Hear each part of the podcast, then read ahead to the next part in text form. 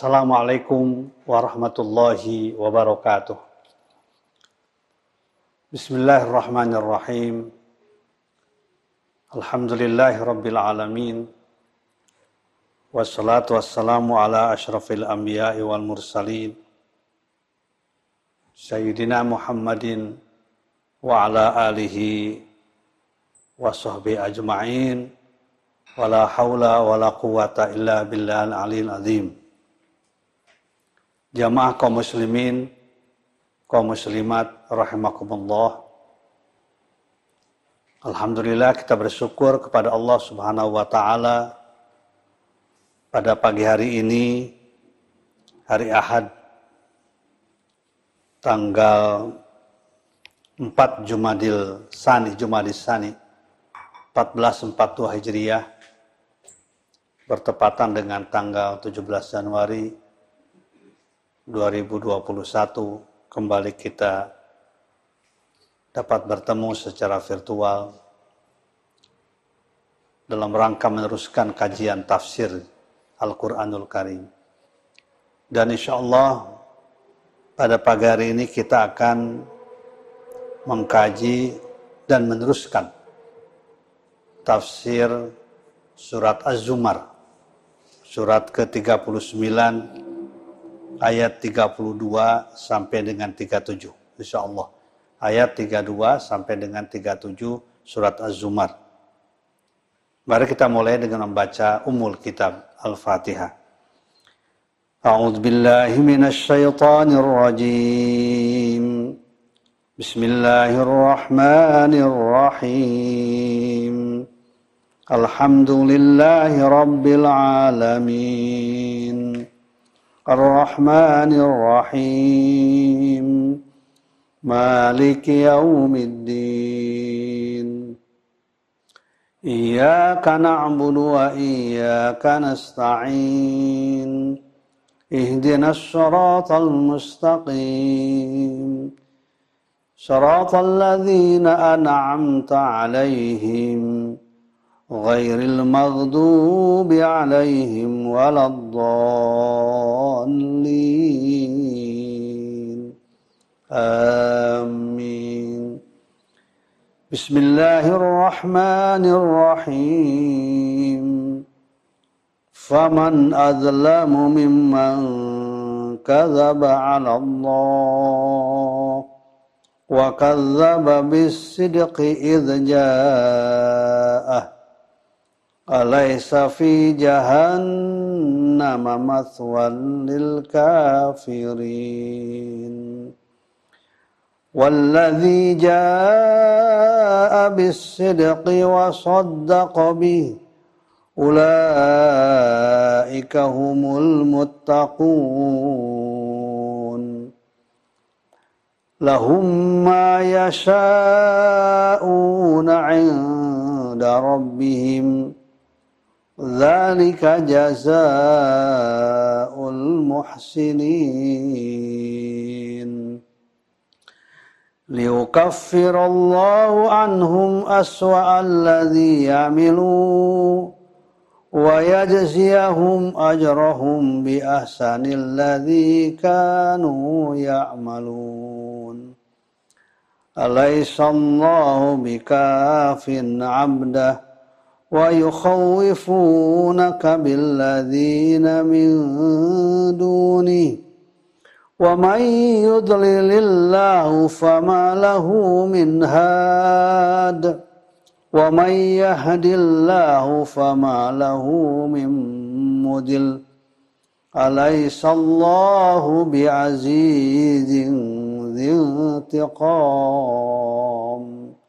Sadaqallahul azim. Bismillahirrahmanirrahim. Faman adlamu maka siapakah orang yang lebih zalim? Mimman daripada orang kadzaba 'ala Allah yang berdusta kepada Allah. Wa kadzaba bisidqi dan mendustakan kebenaran Al-Qur'an idja'ah ketika Al-Qur'an datang kepadanya Alaysa fi jahannam bukankah neraka jahannam maswan tempat lil kafirin buat orang-orang yang kafir. Walladzi ja'a bisidqi dan orang Rasulullah sallallahu alaihi wasallam yang mendatangkan Al-Qur'an yang benar.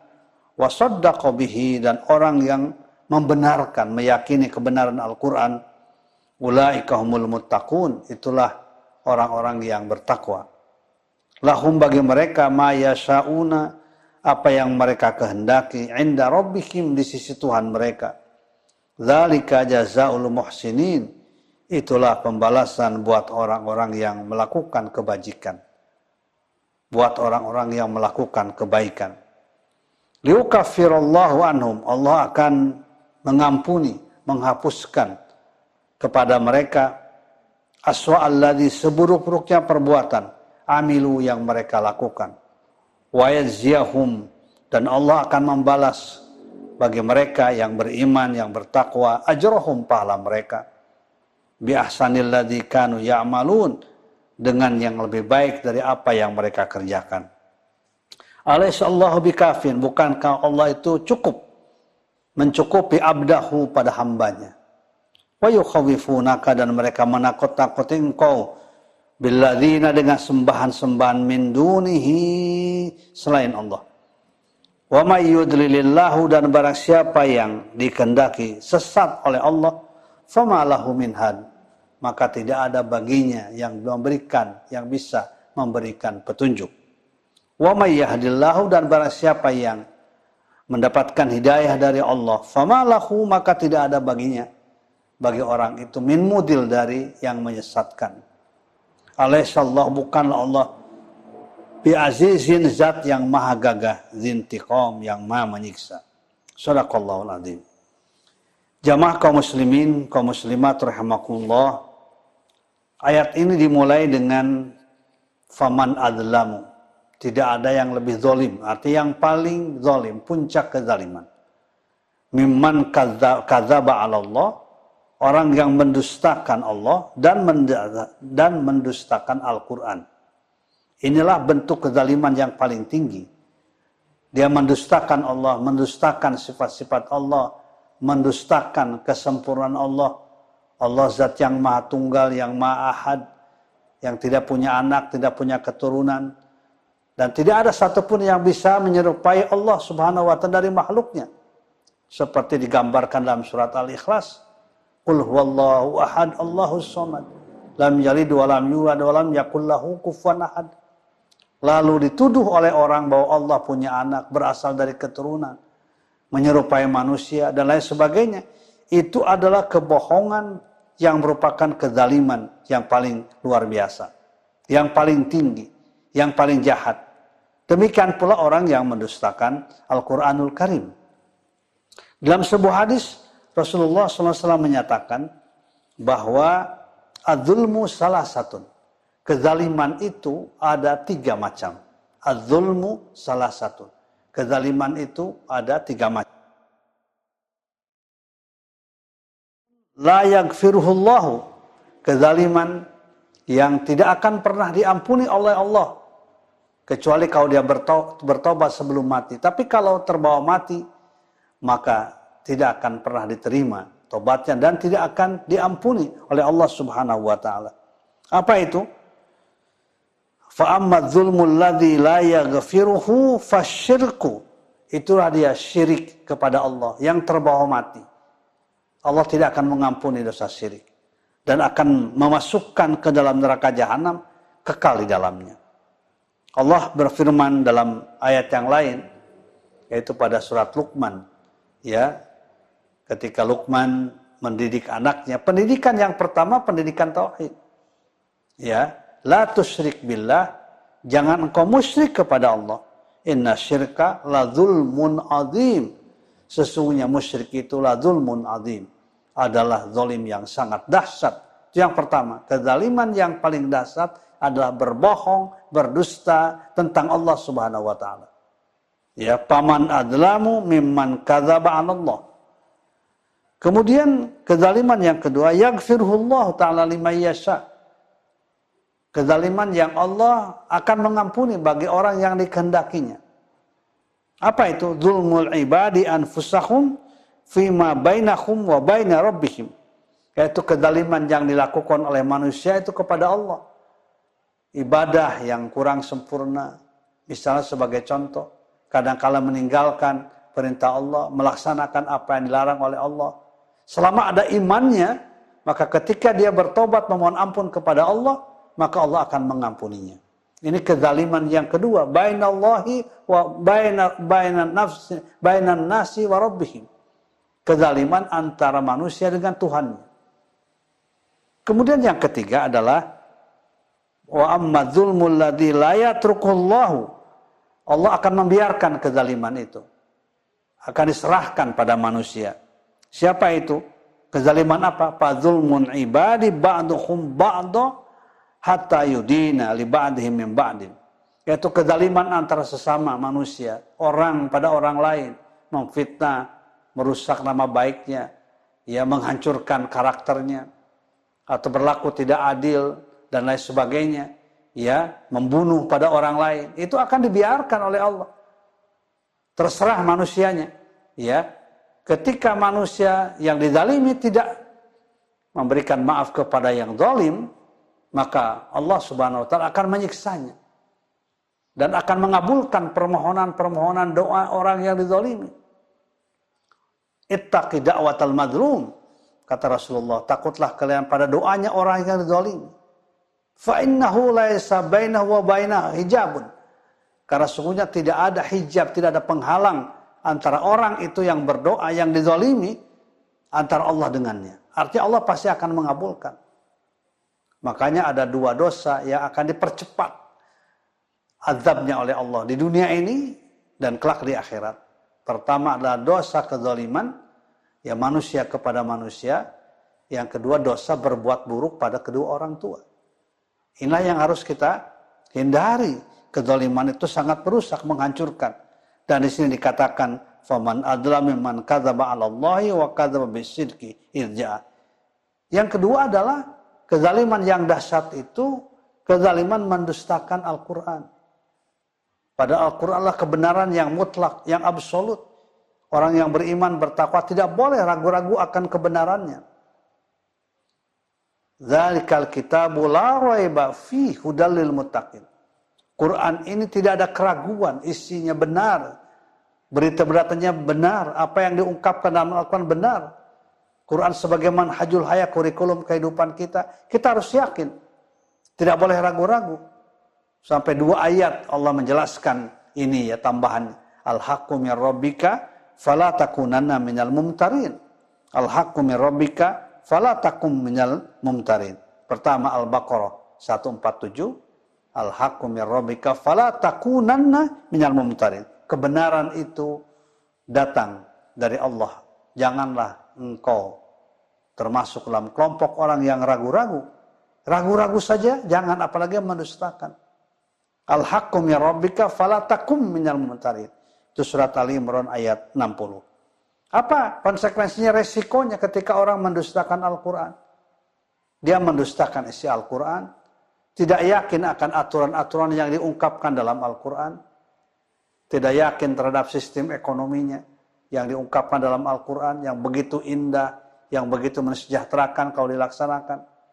Tidak yakin akan kebenaran sistem pendidikannya yang dimulai dengan akidah, keyakinan, tauhid kepada Allah, kecintaan pada kedua orang tua, ya melaksanakan sholat dan lain sebagainya. Itu pendidikan-pendidikan yang diungkapkan dalam Al-Quran. Ya tentu kalau tidak percaya, orang mencari bentuk-bentuk yang lain. Tapi kalau dia yakin akan kebenaran berita-berita Al-Quran, maka dia mulai pendidikan itu apa yang diungkapkan di dalam Al-Quran. Demikian pula misalnya masalah kepemimpinan. Ya, kalau dia yakin akan kebenaran Al-Quran bahwa pemimpin itu adalah yang perlu berlaku adil kepada rakyatnya, kepada masyarakat, dia akan berusaha untuk menjadi pemimpin yang adil, bukan menjadi pemimpin yang zalim. Karena Allah memerintahkan ketaatan kepada pemimpin selama dia taat kepada Allah dan Rasulnya. Ya ayyuhalladzina amanu Allah wa atiur rasul wa ulil amri minkum. Ya. Taatlah kepada Allah, taatlah kepada Rasul dan orang-orang yang mengurus urusan kamu sekalian. Fa in tanaza'tum kalau kalian bertentangan tentang sesuatu fi syai'in farudduhu ila Allah Rasul. In kuntum tu'minuna billahi wal yawmil akhir. Kalau kalian berbeda pendapat, bertentangan tentang suatu urusan, kembalikan kepada Allah dan Rasul. Kembalikan kepada Al-Quran dan Sunnah Rasulullah SAW. Karena itu merupakan kebenaran yang mutlak. Oleh karena itu, maka untuk membangun keyakinan terhadap Al-Quran, kita diperintahkan untuk dekat bermuamalah dengan Al-Quran. Kita membacanya, kita mempelajarinya, mentadaburi ayat-ayat dan kandungannya. Dan berusaha untuk mengamalkannya dalam kehidupan kita. Perintahnya kita laksanakan. Semaksimal mungkin yang bisa kita lakukan. Larangannya kita jauhi, kita tinggalkan. Semaksimal mungkin. Usaha yang kita lakukan, ikhtiar yang kita lakukan. Karena dengan melaksanakan perintah Allah, menjauhi apa yang dilarangnya, kita akan menjadi orang yang disebut dengan muttaqin, muhsinin. Orang yang bertakwa kepada Allah dan orang yang melakukan kebaikan-kebaikan. Yang pada ayat berikutnya adalah liyukaffiru anhum ya sayiatihim. Ya, Allah akan mengampuni kemudian menghapuskan segala dosa-dosa yang pernah dilakukan dan akan membalas amal perbuatan yang baik dengan yang lebih baik tidak apa yang dilakukannya. Mereka akan mendapatkan lahum ma yasha'una 'inda rabbihim. Mereka akan mendapatkan apa pun yang dikehendakinya di sisi Allah nanti. Ketika orang itu mem, mengapa? membenarkan meyakini kebenaran Al-Qur'an. Ya, walladzi ja'a bisidqi wa saddaqa bihi ulaika humul muttaqun. Nabi ya Rasulullah SAW mendatangkan Al-Quran, kebenaran, kemudian dibenarkan oleh para pengikutnya, sahabatnya, tabi'in, tabi'in, dan seterusnya, maka itulah dia orang-orang yang bertakwa kepada Allah Subhanahu wa taala. Dan orang tersebut ciri orang yang mendapatkan hidayah dari Allah Subhanahu wa taala. Kan hidayah itu mutlak pemberian Allah Subhanahu wa taala. Tapi dikaitkan dengan usaha yang dilakukan manusia. Tentu ada indikatornya.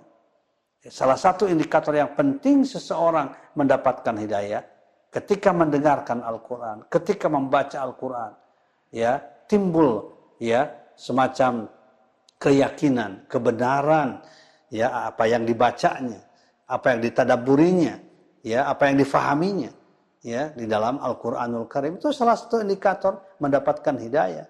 Dan ketika Allah memberikan hidayah, tidak ada yang bisa menyesatkan. Sebaliknya ketika orang sesat, dia membohongkan membohongkan Al-Quran, tidak yakin akan kebenaran Al-Quran, tidak yakin akan kebenaran ajaran Islam, tidak yakin Islam itu menenangkan dalam kehidupan dunia maupun kehidupan akhirat, tidak yakin dengan zikir kepada Allah itu akan menenangkan hati. Ketika mendapatkan persoalan-persoalan yang ber, yang berat, ya, ketika mendapatkan masalah tantangan yang berat yang dihadapinya dalam kehidupan, dalam ekonomi, dalam kesehatan, dalam berbagai macam masalah, ya ketika dia membaca Al-Quran ada ketenangan batinnya mencari solusi ya yang terdapat dalam Al-Quran. Karena Quran itu syifa lima sudur. Dia merupakan obat dari problematika rohani ya daripada problematika pikiran psikologi kejiwaan ya dengan mendekatkan diri kepada Allah Subhanahu wa taala. Oleh karena itu maka kita diperintahkan ya untuk terus menerus dekat dengan Al-Quran membacanya dan terus kita beribadah hanya kepada Allah Subhanahu wa taala, kita kemudian tidak boleh melakukan kemusyrikan pada Allah Subhanahu wa taala. Mudah-mudahan Allah Subhanahu wa taala menjadikan kita orang yang bertakwa, beriman yang istiqomah dalam ketakwaan itu. Jamaah kaum muslimin, kaum muslimat rahimakumullah. Sebelum menyelesaikan nanti mungkin ada pertanyaan-pertanyaan, saya ingin menyampaikan bahwa pada saat ini kita selalu dikejutkan ya oleh berbagai peristiwa dan kejadian, terutama wafatnya para alim ulama, wafatnya para kiai, wafatnya orang-orang yang yang mengabdikan kehidupannya untuk kepentingan agama. Kita mendengar ya eh, hari kemarin hari Kamis itu Syekh Ali Jaber, kemudian Habib As-Segaf, kemudian juga saya mendengar pagi ini juga ada yang masuk berita ya Habib di Kuitang meninggal dunia, demikian pula yang lain. Kita mengucapkan inna lillahi wa inna ilaihi raji'un. Kita memang berasal dari Allah dan akan kembali kepada Allah Subhanahu wa taala. Ya kematian ulama sebenarnya adalah merupakan suatu musibah besar bagi kaum muslimin. Kalau kita kaum muslimin tidak kemudian sungguh-sungguh untuk mendidik dan melahirkan para alim ulama, para kadar-kadar umat yang memahami agama dengan baik. Ya, dalam sebuah hadis Rasulullah mengatakan bahwa innal ulama warasatul anbiya. Sungguhnya para ulama itu adalah para para, para pewaris nabi. Wal anbiya ulam yuwarithu ya dinaron wala dirhaman. Dan nabi-nabi itu tidak mewariskan ya dirham dan dinar, walakin ilma, tetapi mewariskan ilmu. Faman akhadahu akhadha bihadzin wafirin. Barang siapa yang mengambil kewarisan itu, ya, mendapatkan ilmunya, maka dia telah mengambil kewarisan yang apa? Yang sempurna, yang baik. Demikian pula dalam sebuah hadis, Rasulullah mengatakan, Inna Allah layak bidul ilma intizaan minan nas, minal ibad. Allah tidak akan mengambil ilmu itu intizaan secara um, mendadak sekaligus minal ibad dari hambanya. Al-Qur'annya hilang sekaligus, hadisnya tidak. Al-Qur'annya tetap ada, insya Allah tetap utuh, dijaga oleh Allah. Hadisnya juga demikian. Tetapi walaki yakbidul ilma biqabdil ulama. Tetapi Allah akan mengangkat ilmu itu biqabdil ulama dengan mewafatkan para alim ulama. Ya. Sehingga ketika tidak ada seorang pun hatta idalam yubqi aliman sehingga ketika tidak tersisa orang yang alim ittakhadan nasu urusan juhala maka manusia akan menjadikan pemimpin-pemimpin orang yang nggak ngerti juhala orang-orang yang bodoh tidak ngerti pada agama ya tapi pak suilu kalau mereka itu di apa ditanya, diminta pendapat tentang sesuatu, ya, fasu'ilu fa'aftau bighairi ilmin, maka mereka memberikan jawaban, memberikan fatwa bighairi ilmin tanpa ilmu. Kalau ada fatwa tanpa ilmu, tanpa pengetahuan, tanpa landasan, fa'aftau bighairi ilmin, fadallu ya wa maka orang itu sesat dirinya dan menyesatkan orang lain. Naudzubillah min zalik. Dan dalam sebuah hadis Rasulullah mengatakan afatuddin salah satu. Ya. Penyakit kronis dari agama ini ada tiga. Penyakit kronis yang luar biasa. Afatuddin dikatakan afa. Afa itu penyakit kronis agama. Salah satu ada tiga. Pertama adalah fakihun fajirun. Orang yang ngerti agama tapi fajirun yang jahat yang dosa yang mempermainkan agama, yang menjual agamanya untuk kepentingan pribadi, untuk kepentingan duniawi. Itu dikatakan fakihun fajirun. Fakihun dia ngerti agama, mendalam agamanya, tapi fajirun jahat. Ya. Dia mendustakan kebenaran dari Allah, mentalbiskan yang benar dengan yang salah. Itu dikatakan fakihun fajirun. Kemudian imamun jairun, pemimpin yang zalim. Jadi pemimpin yang zalim juga itu merupakan salah satu dari tiga penyakit agama yang kronis. Karena dengan kepemimpinannya, kalau jahat bisa melakukan segala macam. Imamun jairun. Kemudian yang ketiga, wa mujtahidun jahiluna ini. Dia beristihad, ya, dia berusaha beristihad, dia berusaha untuk menjawab berbagai macam fatwa, pertanyaan, tapi jahilun dia tidak punya pengetahuan. Ya, oleh karena itu maka wafatnya para ulama ini mudah-mudahan Allah Subhanahu wa taala akan menumbuhkan semangat kembali pada kaum muslimin untuk mendidik anak-anaknya, kader-kadernya. Mereka memahami agama dengan baik, memiliki akhlakul karimah. Karena ini merupakan sebuah perbuatan yang mulia. Ya, perbuatan yang mulia untuk mempertahankan ajaran agama. Ya, untuk melurus meluruskan pendapat-pendapat yang salah. Ini harus dipersiapkan oleh kita dengan usaha bersama-sama kita. Ya. Kemudian juga uh, dengan kesungguhan kita semuanya. Ya. Kita harus bertanggung jawab pada masa depan umat dan bangsa ini, terutama yang berkaitan dengan masalah agama. Karena agama itu akan menyelamatkan kehidupan kita. Ad-din itulah yang akan menyelamatkan kehidupan kita. Kita butuh generasi muda yang menekuni itu semuanya. ya ini adalah merupakan sebuah pekerjaan yang mulia untuk pendidik mereka menjadi kader-kader umat, kader-kader ulama yang khusyuk, yang takut kepada Allah, yang punya akhlakul karimah. Dan tentu kita berdoa kepada Allah Subhanahu wa taala. Mudah-mudahan para alim ulama, para kiai yang catatan tahun yang lalu 2020 dan awal tahun sekarang sudah hampir 206 orang para kiai, para alim ulama, para tokoh ya yang wafat yang dipanggil Allah Subhanahu wa taala sebagai bukti cinta Allah pada mereka. Tentu ini adalah menjadi apa? penyadaran kita semuanya untuk memperhatikan masalah ini. Dan bagi mereka yang meninggal dunia, mudah-mudahan Allah akan mengampuni segala dosa dan kesalahannya, menerima iman, amal soleh, ya, kemudian juga menerima segala amal yang mereka lakukan dalam membangun umat dan bangsa ini. Mudah-mudahan mereka akan dimasukkan ke dalam surga Jannatul Naim.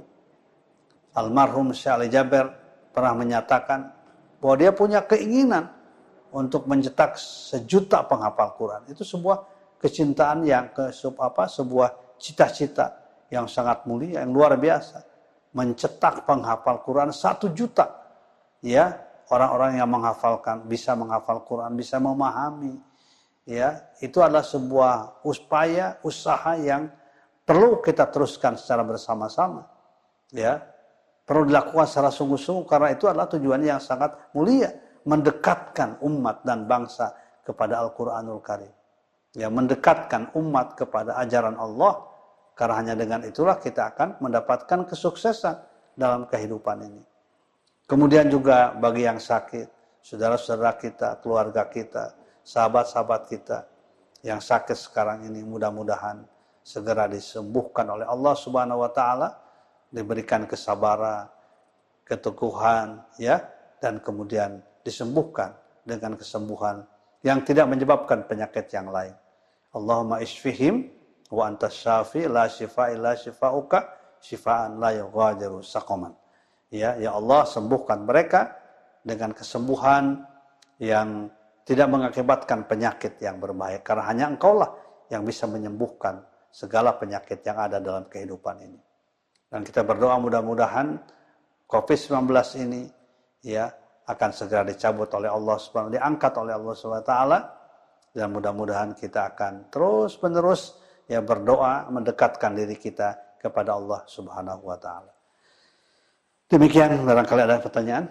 Dari Muhammad Firdaus, salam Ustaz, izin bertanya, adakah makna khusus dari membaca Al-Quran yang memerlukan keterampilan khusus seperti tajwid dan lain-lain? Ya selalu Ustaz, amin.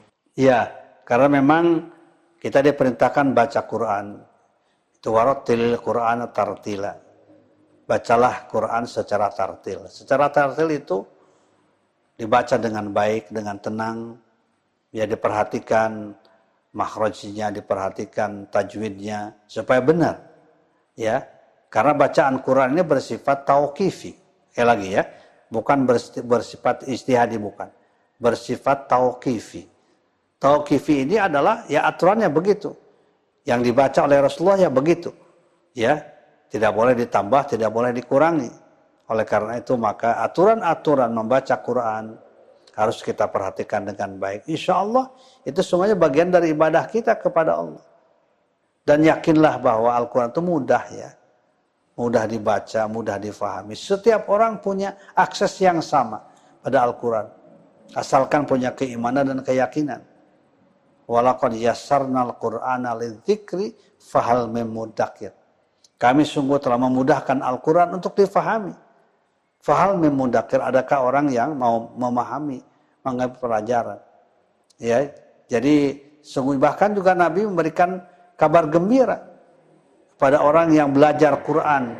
Kemudian lidahnya itu agak apa ya, agak kurang inilah ya kurang nggak bisa menyebutkan antara kap dengan kop misalnya ya, antara jim dengan zal ya kan ada yang begitu.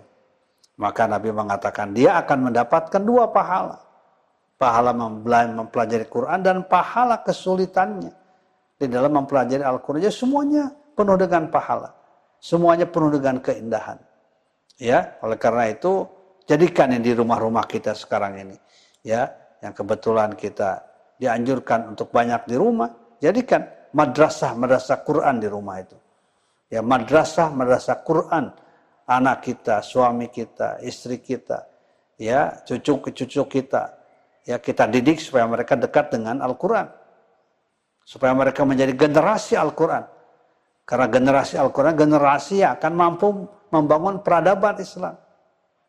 Dalam kitab Ma'alimun Fitorik dinyatakan bahwa generasi sahabat, generasi tabi'in yang mampu membangun peradaban Islam, itu disebut dengan Jailun Qur'aniyun Faridun. Generasi Quran yang unggul yang utama. Jailun Qur'aniyun. Generasi Al-Quran yang unggul dan yang utama. Ya, insya Allah saya yakin dengan kesungguhan kita, dengan doa kita, munajat kita kepada Allah Subhanahu wa taala. Insya Allah nanti akan lahir orang-orang muslim generasi muda ya generasi berikutnya yang mereka termasuk ke dalam generasi jailun Quraniyun faridun generasi Quran yang utama dari Aris MR Sugesti Indonesia tanya apakah yang masih menabung di bank konvensional termasuk yang mengingkari hukum Al-Quran Iya, jadi sekarang ini sesungguhnya adalah diperlukan ya kesadaran kita semuanya. Salah satu kesadaran yang penting kita lakukan, kesadaran keberpihakan ya kepada sesuatu yang berasaskan Islam. Itu perlu sekali keberpihakan itu. Ya, tadi masalah uh, apa menabung ya kalau karena sekarang ya sudah ada bank syariah. Ya kita coba di situ semuanya. Ya, di situ kita lakukan. Karena itulah yang akan menyebabkan kita berkah. Ya, akan menyebabkan kita berkah dalam hidup ini. Keberkahan itu ketika didasari dengan ketakwaan, ketundukan kita kepada aturan Islam. Jangan dianggap sepele ya. Jangan dianggap sepele. Ya sekarang bank-bank syariah sudah ada. Ya, doakan mudah-mudahan bank syariah Indonesia akan lahir ya pada bulannya akan datang ya menjadi bank yang kuat yang berpihak kepada masyarakat kecil yang berpihak kepada umat ya yang kemudian melaksanakannya dengan amanah ya para pengurusnya amanah dan lain sebagainya. Jadi karena itu maka diperlukan dukungan dari masyarakat. Tanpa dukungan masyarakat itu tidak mungkin sesuatu ya sesuatu kegiatan aktivitas untuk membangun umat tidak akan pernah besar kalau tidak didukung oleh umat itu sendiri.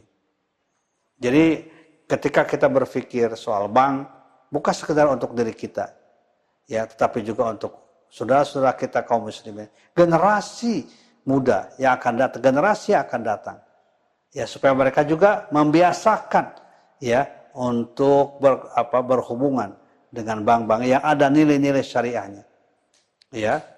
Jangan kemudian kita anggap wah sama saja Nah itulah apa sering pemikiran-pemikiran yang tidak pernah apa memikirkan bagaimana dampak dari pernyataan itu. Ya, dari Saiful Falah izin bertanya, jika hukum Al-Quran tidak diterapkan dalam kepemimpinan sebuah negeri Muslim, berdosakah umat Islam? Iya, yang berkaitan dengan masalah pelaksanaan hukum kan memang mesti dilembagakan, ya, mesti dilembagakan. Tidak tidak bisa secara hukum yang sifatnya individu. Ketika berkaitan dengan publik, misalnya tentu harus dilembagakan supaya teratur dan Islam mengajar itu. Ya, misalnya apa hukum mencuri, ya, hukum mencuri itu bukan hukum individual, tapi hukum bersama yang harus dibuktikan oleh pengadilan yang adil, gitu ya. Nah itu karena itu maka hampir setiap hukum dalam Al-Quran itu selalu dalam bentuk jamak itu menggambarkan bahwa ini bukan urusan pribadi. Kita harus melakukan sosialisasi pada masyarakat, ya, tetapi kemudian implementasinya tentu dalam kelembagaan yang yang teratur, yang rapi, ya. Wasariqu misalnya sebagai contoh wasariqatu faqta'u, ya. Orang yang mencuri, yang korupsi, laki-laki maupun perempuan, faqta'u, potong oleh kalian. Aidiyahuma tangan itu kan menggambarkan bahwa bukan masalah individu, masalah bersama dalam bentuk jama, ya lembaga begitu ya. Ya dan harus dibuktikan dulu benar atau tidak. Demikian pula dalam urusan-urusan yang lain. Tetapi yang harus kita sadari bersama bahwa hukum di dalam Islam itu adalah tujuannya, misalnya kisos ya, itu tujuannya adalah apa? Walakum fil kisosi hayatu ya ulil albab la'allakum tatakun. Bagi kalian, wahai orang yang beriman, orang bertakwa, dalam hukum, misalnya hukum kisos, hayatun akan menjaga kehidupan. Ya demikian pula hukum-hukum yang lain menjaga kehidupan. Ya, supaya hidup ini teratur tentang. Ya, ya ulil albab, wahai orang yang berfikir. Ta'allakum tatakun agar kalian menjadi Jadi jangan ada istilah kejam dan lain sebagainya. Ya, justru dalam Islam itu tidak ada hukum yang kejam. Karena tujuannya untuk menjaga agar orang jangan terbiasa melakukan perbuatan yang sudah jelas-jelas apa dilarang misalnya. Dari Asfahani Khairul Buddha, Assalamualaikum. Bagaimanakah bagi masyarakat yang terisolir dari dunia saat ini, suku terasing yang belum tersentuh dakwah? Apakah juga jatuh hukum dan siapakah yang paling bertanggung jawab? Yang tahu ya, yang bertanggung jawab ya pemerintah, ya ulama, ya dai, semuanya bertanggung jawab. Kalau kita mendengar ada sebuah komunitas yang tidak pernah mendapatkan apa bimbingan Islam, tidak pernah ada datang dai-dai ke tempat itu, ya tugas kita semuanya untuk menghadirkan mereka. Dan sekarang alhamdulillah kan berbagai uh, lembaga kan, ya Dewan Dakwah sebagai contoh mengirim dai-dai ke suku terasing. Demikian pula lembaga-lembaga yang lain ya organisasi Islam yang besar jasanya ya sangat besar mereka itu. Organisasi Islam itu sangat besar jasanya. Bagi pembangunan umat mencerdaskan mencerahkan mereka itu ya untuk mereka mengenal siapa dirinya siapa Tuhannya ya. Suku-suku terasing kemudian mereka mengenali dirinya ya dengan akhlakul karimah yang disampaikan oleh para dai maka tugas kita semuanya Jangan saling salah menyalahkan. Ini kewajiban kita. Ya, saling mendukung yang ada itu. Ya, antara satu dengan yang lainnya. Dari Ikrar Hayati bertanya, bagaimana hukumnya bagi orang yang mendoakan al-buruk terhadap seseorang yang telah memfitnah dan menzalimi dirinya? Ya, makanya di, dikatakan ya, eh, kalau ada orang yang dizolimi, dia berdoa, doanya akan dikabulkan. Oleh karena itu, ittaqi da'watal madlum. Hati-hati dengan doa orang yang dizolimi. Artinya jangan sampai orang yang dizolimi itu mendoakan keburukan kepada orang yang menzoliminya. Ya, karena itu Nabi mengatakan dalam sebuah hadis, unsur akhoka zoliman au madluman. Tolong saudaramu yang zolim maupun yang madlum. Para sahabat bertanya, kalau yang madlum kita faham. Menolong orang yang dizolimi. Bagaimana kalau orang yang menzolimi? Bagaimana saya menolong? Ya, Nabi mengatakan engkau harus menasehatinya agar dia tidak melakukan kezaliman itu. Karena kezaliman itu sangat bahaya.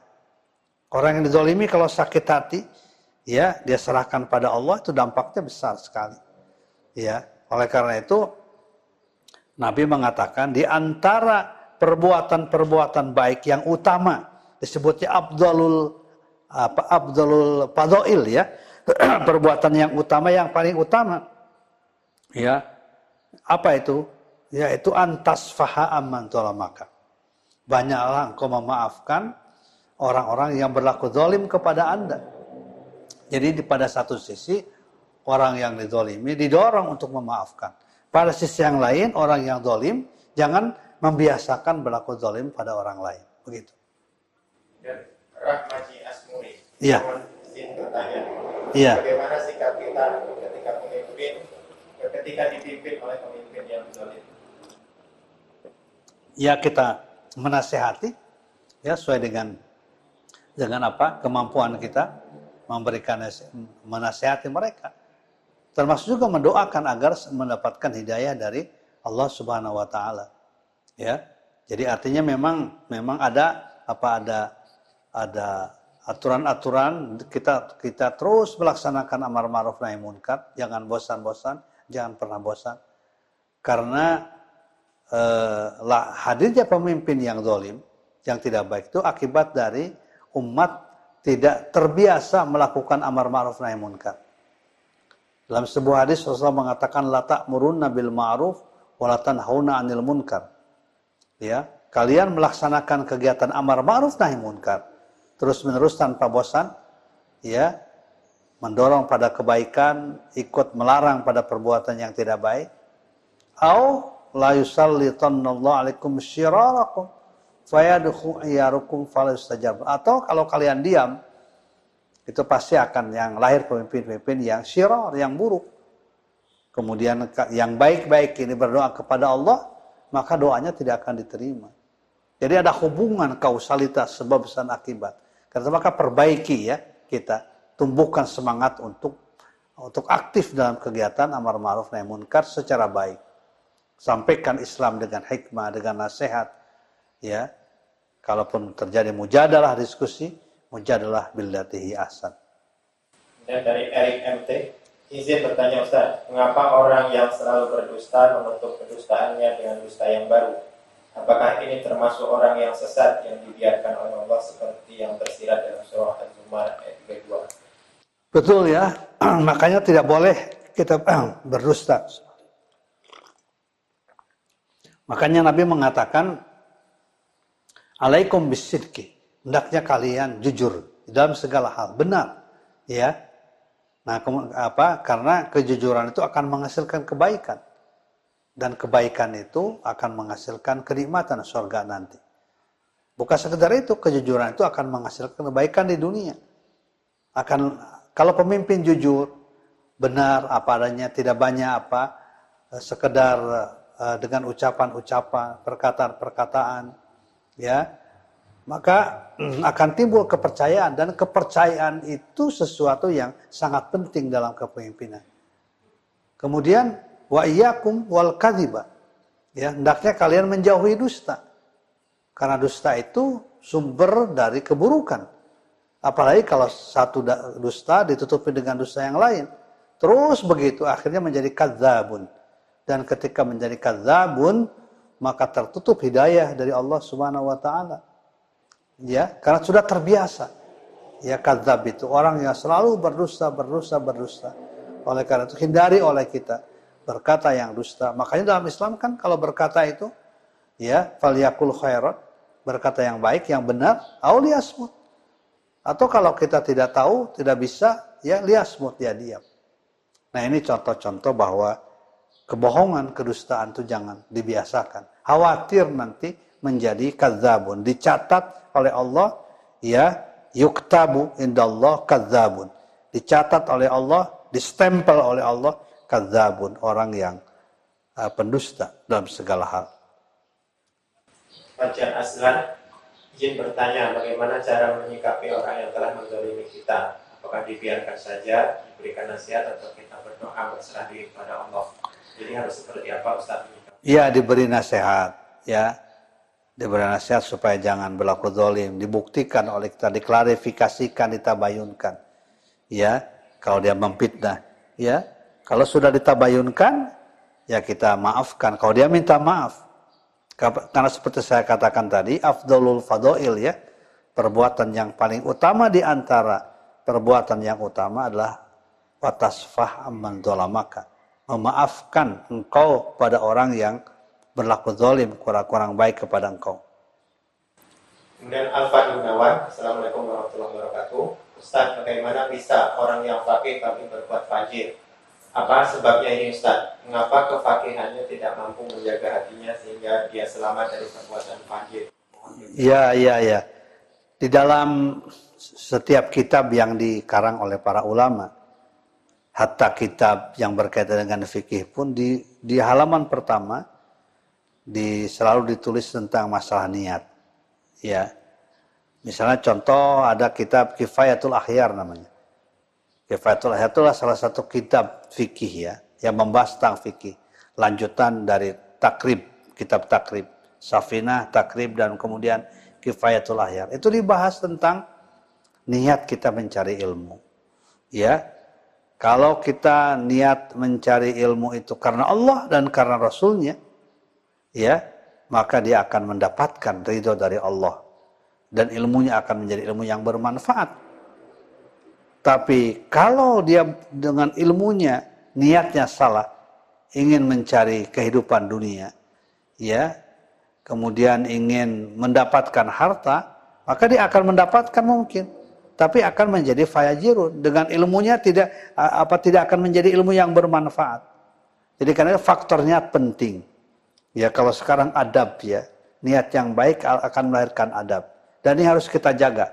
Para dosen, para guru ya, para ustadz di mana pun kita mengajar, siapa pun yang kita ajar, faktor niat itu penting. Karena supaya menghasilkan ilmu yang bermanfaat. Ya, karena ilmu itu kan ada dua macam ya. Ada ilmu fil qalbi, fadzalika ilmun nafi. Ya, adalah ilmu yang dalam kalbu, ya yang keluar dari hati Imam Ghazali mengatakan kullu ma kharaja minal qalbi dakhala ilal qalbi. Setiap ilmu yang berasal dari hati yang lurus yang benar niatnya kharaja ilal qalbi. Maka akan masuk ya ke dalam apa kharaja minal qalbi dakhala ilal qalbi. Maka akan masuk ke dalam hati dalam rohani. Tapi kalau kullu ma kharaja minal fammi keluar dari mulut saja tanpa ada tanpa ada apa penghayatan, tanpa ada etika baik, sekedar keluar begitu saja. Dakhala ilal uduni, maka masuk ke dalam telinga saja, tidak ke dalam hati. Makanya kemudian kita lihat suka melihat orang yang punya ilmu tapi kelakuannya jahat. Mungkin niatnya salah. Ya, atau dia salah mencari guru. Ya, karena itu maka uh, di dalam berbagai keterangan para ulama, guru itu harus mursyid. Guru itu mursyid ya. Mursyid itu memberikan petunjuk, memberi contoh. Muallimun muaddibun istilahnya. Ya, bukan sekedar memberikan pengetahuan, tapi memberikan contoh, ya. Jadi menurut saya ada dua kemungkinan, ya.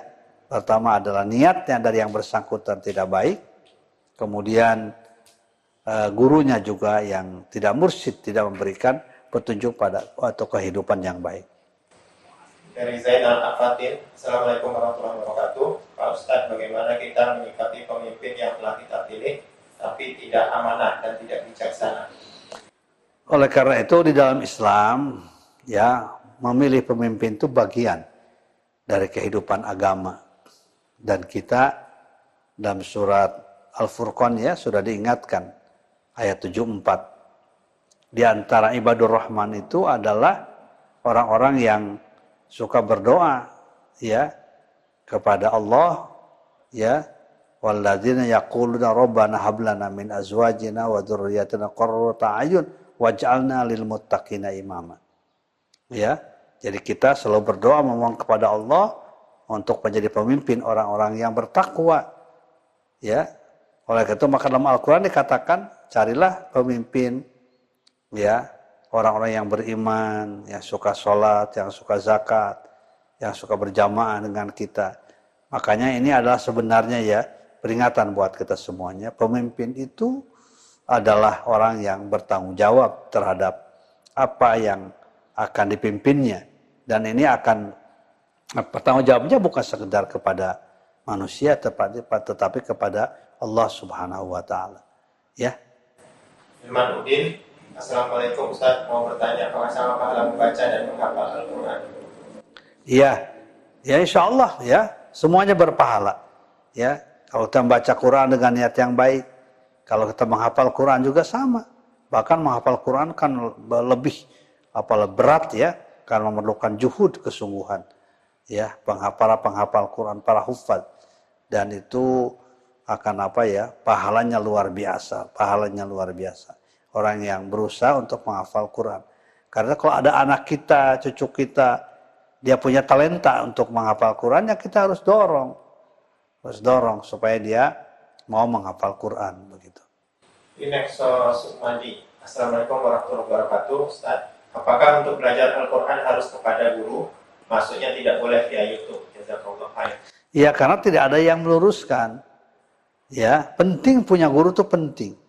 Ya supaya kita jangan merasa bahwa kita hanya melihat dalam Google saja ya kita merasa bisa lah sekarang ya mempelajari agama. Iya khawatir salah ya di dalam mengambil kesimpulan ya itu itu saja sih. Dan kalau salah dalam mengambil kesimpulan atau juga kita merasa benar membaca kita padahal salah, itu kan akan membahayakan. Lebih baik ya uh, tetap kita perlu guru ya untuk meluruskan mendengarkan kita, murojaah kita ketika membaca Quran. Mulai dari Al-Fatihah misalnya, ya, kemudian surat-surat pendek, ya. Kalau kalau berdasarkan kepada kemampuan teknologi saja misalnya, walaupun itu dimungkinkan, ya itu untuk murojaah saja, ya. Tetapi untuk apa? Untuk mempelajari ya Al-Quran apalagi mencari tafsir, ya mengambil kesimpulan, itu harus ditanyakan oleh kita. Bertanya saja, Ya fas'alu ahla dzikri in kuntum la ta'lamun. Tanyalah oleh kalian ahlu dzikri, ya orang yang yang apa punya ilmu in kuntum la ta'lamun kalau kalian la tidak memahami. Takut salah ya dalam mengambil kesimpulan. Teddy Rosadi. Assalamualaikum. Izin bertanya Pak Kiai, bagaimana tips atau cara memurnikan atau meluruskan niat kelas dalam beribadah dan muamalah? Terima kasih. Ya, niat itu kan terjadi uh, apa dengan sendirinya ketika kita berbiasa melakukan ke kebaikan. Karena itu biasakan kebaikan itu. Ada atau tidak yang melihat, kita lakukan kebaikan itu. Makanya biasa sebagai infak ya. Infak itu kan ada dua, dua macam tuh. Ada apa? E, kita sendiri yang apa yang yang tahu tidak ada yang lain atau dalam keadaan ta, apa orang lain banyak tahu. Terus saja berbuat baik. Ya, Sering-seringlah kita lakukan perbuatan-perbuatan itu supaya kemudian melahirkan kebutuhan, supaya kemudian melahirkan kesungguhan, ya, dan akhirnya akan melahirkan keikhlasan dalam diri kita. Irni Desira, Assalamualaikum. Izin bertanya Pak Ustadz, mohon rekomendasi bank syariah apa yang terbaik saat ini? Ya bank syariah sajalah, ya. Bank syariah kan banyak ya. Ada apa? BRI Syariah, BSM, BNI Syariah, ya kemudian kemudian juga apa bank muamalat, ya bank-bank syariah yang lain itu insya Allah baik semuanya. Insya Allah paling tidak mereka para pengurusnya berusaha ya semaksimal mungkin untuk mensyariahkan semua produknya, untuk mensyariahkan semua corporate culture-nya, budaya kerjanya. Ya, jadi semuanya ya menurut saya adalah mereka bank-bank syariah yang baik. Termasuk juga kalau di Bogor, di Wika ada amanah ummah.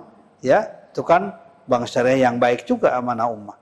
Demikian pula bank-bank syariah yang lainnya.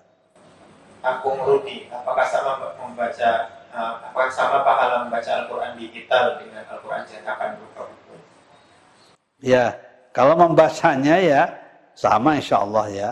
Tapi lagi-lagi di samping digital ya untuk memudahkan tapi juga kita perlu ya Al-Qur'an yang yang apa yang yang dicetak ya dicetak perlu sekali itu ya untuk untuk kita yakin betul bacaannya ya yakin betul bacaannya ya, supaya apa tulisannya juga kan penting ya tulisan dan bacaan itu penting Al-Qur'an itu untuk kita ketahui untuk kita pelajari kemudian Noponik di 11 izin bertanya saat mempelajari tauhid, saat ini ada perbedaan pemahaman tentang sifat-sifat Allah. Masing-masing yang meyakini saling menyalahkan. Bagaimana itu, Ustaz? Ya, jadi karena itu eh, karya-karya para ulama ya dalam menjelaskan tauhid kepada masyarakat kan berbeda-beda. Ya, mereka sudah berusaha beristihad dengan pengetahuan yang mereka miliki, ya kemudian menghasilkan Ya, silakan ada yang dalam kitab Tijan misalnya ya, ada sifat 20, silakan ya. Tapi tetap itu bukan hanya 20 sifat Allah itu. Ya, ada Asmaul Husna, ya. Jadi saya kira berbagai macam cara yang dilakukan para ulama selama itu memang ada landasan kuatnya ya kita terima sebagai sebuah kebenaran. Nah, makanya kita jangan cepat menyalahkan antara satu dengan yang lainnya. Mereka sendiri para alim ulamanya tidak saling menyalahkan satu dengan yang lainnya. Kenapa kita masih salah menyalahkan? Begitu. Kemudian Lis Mutiara, apabila memiliki hutang di bank konvensional dan tidak sanggup lagi membayarnya sampai terbawa mati, namun sudah paham itu riba dan dia sudah bertobat nasuha untuk hal tersebut, apakah Allah mengampuni? Yang namanya utang kepada siapa pun harus dibayar. Ya. ya, yang namanya utang. Makanya kita tidak boleh berutang dengan niat tidak bayar kepada siapa pun. Pada orang kafir misalnya kita punya utang wajib dibayar, yaitu hakul adami. Hakul adami. Ya, kepada siapa pun juga.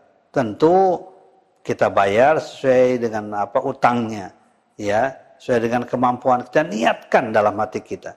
Tapi kalau tidak niat bayar kepada siapa pun juga tidak akan pernah terbayar yang namanya utang itu. Ya, jadi bukan bukan apa ya? Bukan uh, apa? Uh, kita memohon ampun kepada Allah terhadap utangnya itu, terhadap ribanya ya kita harus memohon ampun pada Allah Subhanahu wa taala. Tapi kemudian utangnya harus dibayar begitu. Parman, alhamdulillah Ustaz pencerahan eh, bagaimana sebaiknya jika ada pemimpin yang mengajak kepada Islam liberal. Islam ya Islam lah gitu ya. Di situlah perlunya ngaji. Ya kalau liberal itu kan liberal itu bebas ya seenaknya kadangkala. Ya, ya tentu jangan diikuti, ditanyakan pada yang lain, dibandingkan dengan pendapat yang lain. Kalau misalnya mengajak bahwa eh, apa, mengajak kepada sesuatu yang menurut kita eh, tidak apa ya, tidak tidak pernah terjadi dalam dunia Islam. Ya, kemarin baca sholawat di gereja misalnya. Kalau menurut saya kan itu bukan bukan pada tempatnya. Ya, Itulah pemikiran yang terlalu bebas atas alasan apa? Tasamuh toleransi. Ya, sholat kapan pun, di mana pun, ya, tidak sholat pun tidak apa-apa. Tentu pemahaman ini pemahaman yang salah, pemahaman yang salah. Kawin boleh dengan siapa, siapa pun juga. Tidak perlu memperhatikan agama. Ya itu pemahaman-pemahaman yang salah. Harusnya kita nih kaum muslimin punya pengetahuan dasar yang yang boleh dilakukan, yang tidak boleh dilakukan harusnya sama itu. Ya fardu ain itu harus sama. Jangan sampai misalnya ada pendapat begini, ya kemudian kita goyah. Tidak. Pendapat yang menyatakan misalnya pernah ada satu pendapat, ya yang ketika itu Pak Kiai Zainul MZ masih ada. Heran kadang-kala katanya ya pada umat kita ini. Apa pun yang dikatakan orang lain yang ngaku-ngaku, yang tidak benar itu ada saja orang yang percaya kepadanya. Dulu ada yang ngaku jadi nabi katanya, orang percaya begitu saja. Jadi hal-hal yang demikian, liberal pun atau kemudian sekuler pun ya kalau bertentangan jelas itu tidak paham yang tidak benar, yang tidak sesuai dengan ajaran Islam. Ya.